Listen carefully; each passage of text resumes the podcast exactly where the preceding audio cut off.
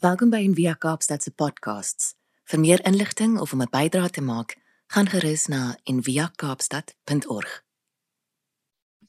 Ek wil ons die skrif lees vandag uit Johannes 16 om ons te begelei in stilte in.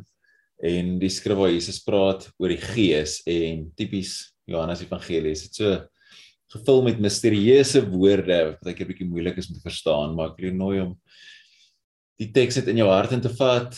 Uh soos mense sal sê Petersen ook veral sal sê weet eet eet die woord. Ek lees vir ons. Ek het nog baie dinge om vir julle te sê maar julle sal dit nou kan begryp nie. Wanneer hy kom die gees van die waarheid sal hy julle in die hele waarheid lei. Wat hy sal sê sal nie van homself afkom nie. Hy sal net sê wat hy hoor. En hy sal die dinge wat gaan kom aan julle verkondig Hy sal my verheerlik want wat hy van my ontvang sal hy aan julle verkondig. Alles wat aan die Vader behoort, behoort ook aan my. En daarom dat ek gesê het wat hy van my ontvang sal hy aan julle verkondig. Goeiemôre julle. Dit is baie lekker om julle almal te sien vanoggend. Ek moet sê uit 'n ys yskoue Pretoria. So ek hoop ons word warm soos ons lekker vanoggend saam kuier. Ehm um, ek weet julle is baie bewus daarvan soos ek dat hierdie tyd van die jaar Pinkstertyd die tyd is wat ons fokus op die Heilige Gees. Maar interessant genoeg is vandag 3 eenheid Sondag in die kerklike jaar so uh dis op 'n manier gepas dat ons juis die Sondag na Pinkster die 3 eenheid vier want dis juis nou in hierdie tyd wat ons weer bietjie reflekteer oor die verhouding tussen die Vader en die Seun en die Gees. Uh, Richard Rohr het 'n vreeslike mooi idee dat hy praat van um, the divine dance as hy na die Gees van God verwys of na die drie eenheid verwys. En ek weet nou nie van jou nie, maar daar's nog baie gelowiges wat worstel met hierdie konsep van die drie eenheid. Dis vir mense om een of ander rede verskriklik moeilik. Ek onthou 'n tannie wat vir jare in die gemeente was en dit was letterlik vir dekades was dit een van haar heel grootste gripes hierdie hele ding oor die drie eenheid. In so 'n mate dat dit haar eintlik ehm um, ja amper inhibeer het in haar verhouding met die Here. En ek wonder of ons dit nie vir onsself net te kompleks maak nie. So dit is so aanvanklik in die Bybel leer ons eintlik maar net die karakter van die Vader en te leer ons en aan wat ons die deur na God kom oopsluit. En dan leer ons die Gees ken as die samebindende faktor. Waarsonder niks ooit regtig moontlik was of is nie. So ons weet dat die Vader en die Seun en die Gees onlosmaaklik deel is van mekaar. En eintlik was daar nog altyd net een agenda wat al drie gehad het en dit is om almal weer op 'n manier met God te versoen. Ja, ek dink een van die uitbeeldings wat wat hierdie verhouding tussen die Vader en die Seun en die Gees vir my die heel mooiste uitbeeld, is 'n baie bekende ikoon van Andrei Rublev wat in die laat 1300s geskryf is. Nou, sover ikone aanbetref, dink ek is hierdie 'n celebrity ikoon. As jy nou ooit so iets sou kry. So ek seker julle het al eers het julle hierdie ikoon gesien. Dis een van die heel bekendste ikone. Nou as ons daarna kyk, is hier geweldige klomp ryk simboliek in. In die eerste plek is dit belangrik om te sê dat die ikoon se titel is amptelik the Trinity of dan die drie eenheid. Maar Rublev het dit aanvanklik ge, geskryf op grond van ehm um, die verhaal in Genesis 18 van die drie engele of goddelike wesens wat dan vir Abraham kom besoek. Julle onthou daai storie.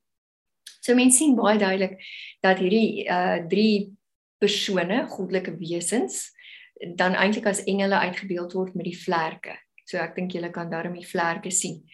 En dan is 'n baie belangrike ding dat mense sien hulle is om hierdie tafel bymekaar en in die middel van die tafel is daar hierdie hierdie bak wat gevul is met bloed en dan nou die bloed van Jesus Christus wat die rede is vir waarom die drie bymekaar kom. Maar dan sou nou die simboliek wat ons in hulle in hulle klere sien. So dis baie interessant om te sien dat elkeen van hulle het hierdie blou kleed aan En die blou kleure is eintlik maar die simbool van die goddelike of die hemelse. Om daarmee te sê hierdie is nie aardse wesens nie, dit is goddelike wesens. En dan baie spesifiek later van tyd hoe dit dan uitgebeeld word as die Vader, die Seun en die Gees. So die engel of die goddelike wese aan die regterkant is die simbool van die Gees en hy dan hierdie groen kleed om. En die rede hoekom dit so is, is groen is die kleur van lewe in die geloofsbelijdenis van Esia um staan daar ook dat die Here die gewer is van lewe. En dan natuurlik ook die maagdelike geboorte en die gedagte dat hierdie lewe wat in Maria gewek is van die Gees afkom. In die engel in die middel is dan die seun en sy blou mantel bedek dan hierdie donkerrooi mantel. En die rooi het twee simbole. Aan die een kant is die rooi die kleur van die aarde, maar die rooi is ook kleur van bloed. So aan die een kant uh, praat dit oor die inkarnasie van Christus se menswording en aan die ander kant die kruisiging. En dan is daar die derde engel, die engel aan die linkerkant wat die Vader verteenwoordig en sy blou kleed word met 'n deurskynende mantel oordek. En daai deurskynende mantel is dan die simbool van hierdie ewige goddelike heerlikheid. Nou wat ook baie interessant is van die drie karakters is hulle het al drie 'n soortgelyke stralekrans. En 'n mens kan dit nou nie so altyd so mooi sien nie, maar ek dink jy kan dit tog aflei as mens nou fyn kyk. Elkeen van hierdie ehm um, goddelike wesens het 'n staf in die hand. Maar die stawwe is presies dieselfde. En dit is basies dan om te simboliseer dat daar geen rangorde is nie. So daar's nie een van die drie wat belangriker is of een van die drie wat dan die baas is nie. En dan is daar 'n baie belangrike vierde komponent of 'n vierde karakter in hierdie ikoon. En dit is die oop spasie wat tussen hierdie vier ikone gevorm word. So uh of hierdie vier engele gevorm, drie engele gevorm word. Hulle sit om hierdie tafel as 'n sirkel. Maar daar is reg aan die voorkant is daar hierdie oop ruimte. En dan sit hulle al drie gedraai na my, gedraai na elkeen van ons. Na die een wat waarneem. En dit is een van die sterkste teorieë oor hierdie ikoon van Rublev is dat hy hierdie ikoon op so 'n manier saamgestel het dat dit 'n uitnodiging is dat dit ons innooi in die ikoon in dat ons dit ons as ware naderlok en sê kom word deel van hierdie goddelike dans. Nou waarskynlik as 'n mens hierdie ikoon so bekyk, dan besef mens dis eintlik maar waarmee God nog altyd met ons besig was, is om ons te probeer nader trek, te probeer nader lok en dat dit eintlik maar die essensie is van die werk van God se gees in ons lewe. Dis presies hier waar ons iets moet verstaan van dat God se groot droom vir ons was nog altyd dat ons met God verenig sal word sodat daar nie skeiding of afstand tussen ons en God bestaan nie maar dat ons in harmonie en in intieme nabyheid aan God kan leef. Jesus self verduidelik hierdie waarskynlik die heel beste as hy in Johannes 16 in die teks waarna ons vanoggend kyk daar praat. Nou, net eers belangrik voor ons na die teks kyk, is dit belangrik om net weer iets te onthou van die baie eenvoudige struktuur waarmee Johannes werk. Johannes 1:12 gaan Jesus se ware bediening. So dit gaan oor sy werk tussen mense. Maar dan na hoofstuk 12 trek Jesus hom terug tussen sy naaste mense in sy binnekring in. So in hoofstuk 13 tot 17 Johannes praat Jesus eintlik maar met sy disippels en dan verduidelik hy vir hulle 'n paar goed wat hy op hulle hart wil druk en hy sê vir hulle ek wil asseblief hê julle moet hierdie mooi onthou. En dan van hoofstuk 18 tot 21 in Johannes vind ons eintlik dan al die verhale van die Paasmisterie. So Johannes 16 wat ons vanoggend lees is deel van daai persoonlike laaste gesprekke. Waar Jesus baie hard probeer om vir die naaste vir sy naaste volgelinge te verduidelik wat hier gebeur. So ek lees net weer vir ons die teks daarvan vers 12 af. Ek het nog baie dinge om vir julle te sê, maar julle sal dit nie nou kan begryp nie. Wanneer hy kom, die Gees van die waarheid, sal hy julle in hele waarheid lei. Hy sal sê, sal nie van homself kom nie. Hy sal net sê wat hy hoor. en hy sal die dinge wat gaan kom aan julle verkondig. Hy sal my verheerlik want wat hy van my ontvang sal hy aan julle verkondig. Alles wat aan die Vader behoort, behoort ook aan my. Daarom dat ek gesê het wat hy van my ontvang, sal hy aan julle verkondig. Nou, wanneer mense met 'n eerste lees na hierdie teks kyk, dan dink ek daar's 'n paar goed wat sommer onmiddellik uitstaan. Jesus sê dat hy eintlik nog baie vir hulle wil sê, maar dat hulle dit nie nou gaan verstaan nie. Nou, ek dink eintlik nie die disippels het aanvanklik hoe genaamd verstaan nie. Daar was so enkele paar uitsonderings tussen die disippels wat wel verstaan het, maar die groot meerderheid van die disippels het eers later van tyd begin verstaan na afloop van Pinkstertyd. Die tweede ding wat ons sien is dat die gees van die waarheid of die gees van Christus die een sal wees wat die gelowiges kom leer wat hulle moet weet.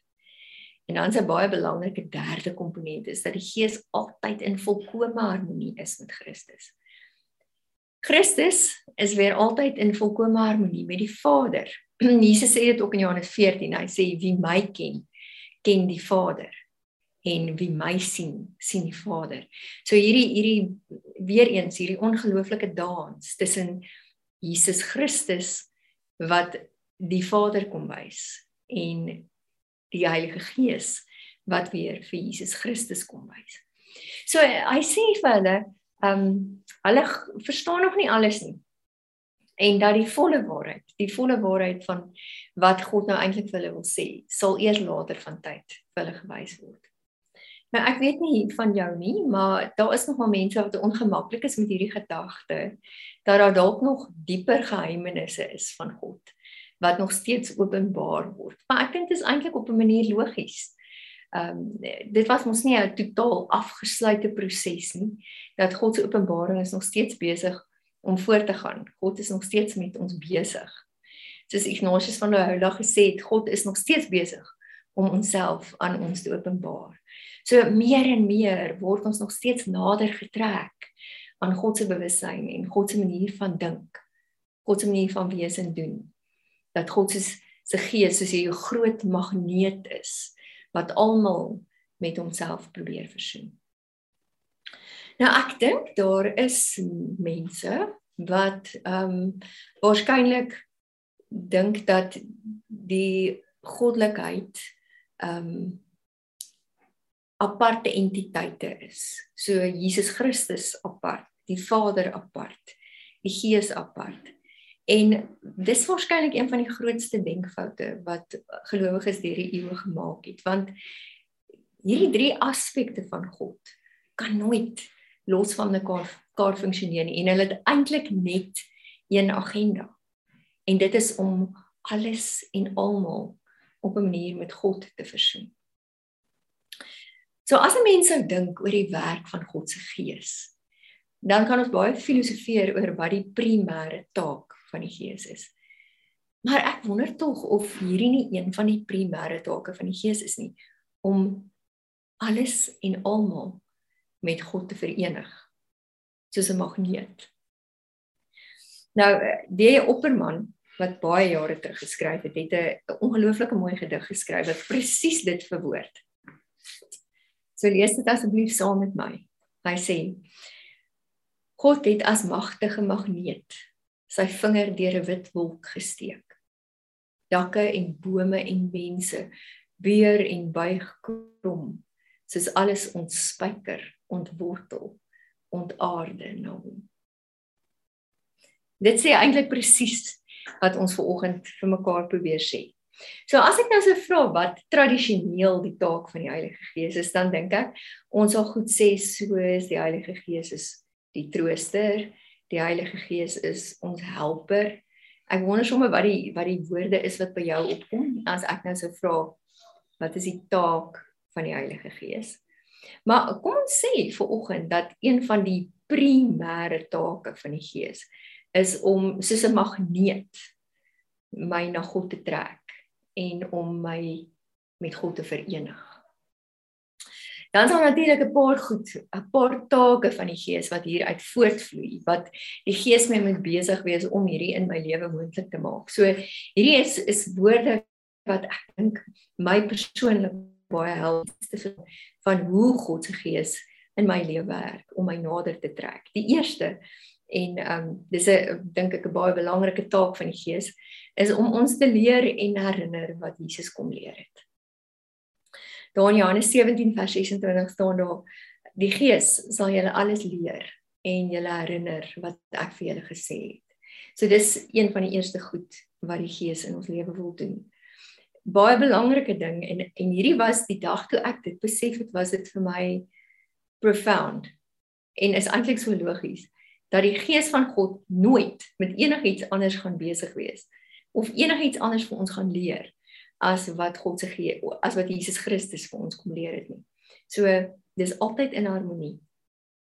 Die tweede taak van God se gees is om hierdie proses van innerlike transformasie in my lewe te begelei. En ek dink hier uh, is die belangrike ding is dat God se gees my bewussyn so die baie mooi Engelse woord consciousness wil omvorm om aan die beeld van Christus gelyk te word. Daai Filippense 2 teks wat sê, um die bewussyn van Christus, the consciousness of Christ. En dan daai baie mooi teks in 2 Korintiërs 3 vers 18 wat sê ons word al meer verander om aan die beeld van Christus gelyk te word of dan die bewussyn van Christus gelyk te word. Die heiligheid wat van ons uitstraal neem steeds toe, stelselmatig meer en meer en dit doen die Here wat die Gees is. So dis die tweede ding, is God se Gees begelei hierdie proses van innerlike transformasie in my. Die derde ding wat eintlik dan direk hier uit voortvloei is om ons in lyn te bring met God se bewussyn. Nou jy sal waarskynlik daai pragtige teks Romeine 8 vers 26 onthou. Ehm um, die teks sê wat sê dat ehm um, die Gees vir ons intree by God dat hy ons die versigtiging en die begeertes van ons hart hoor en dit eintlik op 'n manier vertaal vir God sodat daar in hierdie proses al minder afstand en al minder verwydering tussen ons en God is sodat daar al meer harmonie en nabyheid tussen ons en God kan wees. So in hierdie opsig weer eens sal die Gees nooit met iets anders besig wees as dit waarmee Jesus Christus Christus besig is nie, omdat hy graag wil sien dat ons meer en meer met dieselfde bewussyn as Jesus Christus begin leef en dink. Nou dit is natuurlik so nie dat as prakties beteken dit basies as ek al meer geslote of veroordelend of moralisties of wetties of selfs hoog hooghartig raak dat ek nie in lyn is met die beweging van die gees nie. Maar as ek meer respekvol of vol deernis of meer vol vrede of sonder wraak of oordeel is, as ek vryspreekend leef, as ek meer nederig is, meer sagmoedig, meer goedhartig. As ek meer vol begrip en vol fyn aanvoeling is, dan is ek meer in lyn met die werk van God se Gees in my lewe. En ek dink dis 'n belangrike eienskap van God se Gees is dat hy my wil help om al meer oop te wees vir dit waarmee God in my lewe wil besig wees. Nou is dit natuurlik so dat God se Gees met 'n spesifieke agenda in my lewe sou besig wees, maar wat dat ek teen dit kan weerstand bied. So daai belangrike gedagte dat ek die werk van God se Gees in my lewe kan weerstaan. So nou is my vraag, ek wonder hoe sou weerstand nou spesifiek in jou lewe lyk? Ehm um, hoe hoe weerstaan jy die werk van God se Gees? Ja, ek dink dit kan baie gesigte wees. Ehm um, een manier waarop ek kan weerstand bied is ek kan alles intellektualiseer of ek kan vashou aan persepsies en idees of ideologieë wat eintlik al uitgedien is of ehm um, ek kan weier om te erken dat ek verkeerd is of ek kan weier om my eie reuse aandeel in 'n sekere verhouding of 'n situasie raak te sien. Ehm um, ek kan my weier om my hou vas op sekere maniere van dink te laat gaan. Ek kan weier om te verander. Ek kan bloot eenvoudig weier om anders op te tree of anders te kies, anders te dink en te praat en te doen en in die proses baie skade doen aan die mense in my lewe. Ek kan ook aanhou om sekere leuns vir myself te glo. En ek kan definitief ook weerstand bied teen die werk van God se Gees in my lewe deur aan te hou om eerder na ander mense se stemme te luister as na die stem van my siel. So ek wonder nou sommer hoe weerstand bied in jou lewe lyk. Hoe lyk dit as jy besig is om weerstand te bied teen die Here? Nou ek weet wat ek graag doen om weerstand te bied en as ek dit raak sien, dan is dit altyd vir my 'n aanduiding dat my ego alles in haar vermoë probeer om te verhoed dat God my verander. Want as God my verander en ek al meer soos Christus word, dan kan sy nie meer die koningin van die kasteel wees nie. En die vierde baie belangrike ding waarmee God se gees in ons lewe wil besig wees, is dat die gees alles heilig maak. Hier is nogal 'n baie belangrike konsep in die kontemplatiewe spiritualiteit waarvoor ek baie lief is en dis die gedagte dat al my eintlik geïntegreer. So daar's nie meer hierdie onderskeidings tussen dit wat heilig is en dit wat sondig is nie.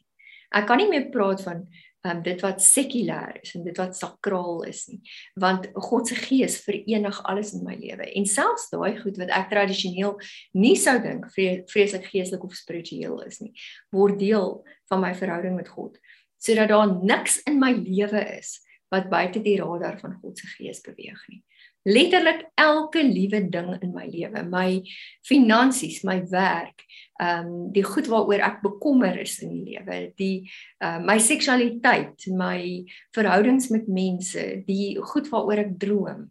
Alles word op 'n manier verenig en alles in my lewe word heilig wanneer God se gees deel word van my lewe. En dis dan dat ek kan begin agterkom dat God se gees my roep, nooi soos 'n magneet dat hy my nader trek. En dis dan presies die vyfde taak van die Gees. Is die Gees trek alles nader aan God. Richard Rohr skryf twee aanhalinge wat so mooi hierdie beskryf. Hy sê the Holy Spirit shows herself as the central and healing power of absolute newness and healing in our relationship with everything else en dan die tweede aanhaling wat sê any staying in relationship any insistence on connection is always the work of the spirit who warms softens mends and renews all the broken and all places in and between things. The holy spirit is always the third force happening between any two dynamics. Invisible but powerful willing to be anonymous She does not care who gets the credit for the wind from nowhere, the living water that we take for granted, or the bush that always burns and is never consumed. Hierdie gedagte dat God se gees op 'n onsigbare, anonieme manier agter die skerms die heeltyd besig is om alles in my lewe nader te trek aan God sodat ek met God op 'n magnetiese manier verenig kan word. Nou 'n sesde taak van die Gees is in die skepping van God is al basies twee take wat wat God se Gees se werk is.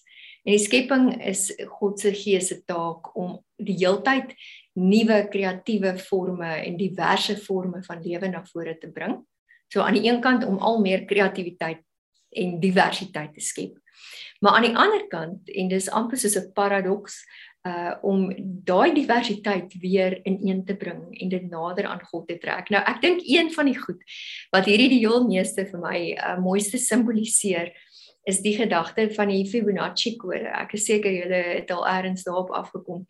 Um net hierdie gedagte van hierdie the fingerprint of God dat um oral in die heelal van die heel kleinste dingetjie tot in die grootste uitspansel is daar hierdie patroon is daar hierdie hierdie som hierdie ampere uh wiskundige formule wat jy die heeltyd in alles raak sien. So as jy dink aan die groot uitspansel dan dit presies dieselfde vorm as die vorm van my oorskulp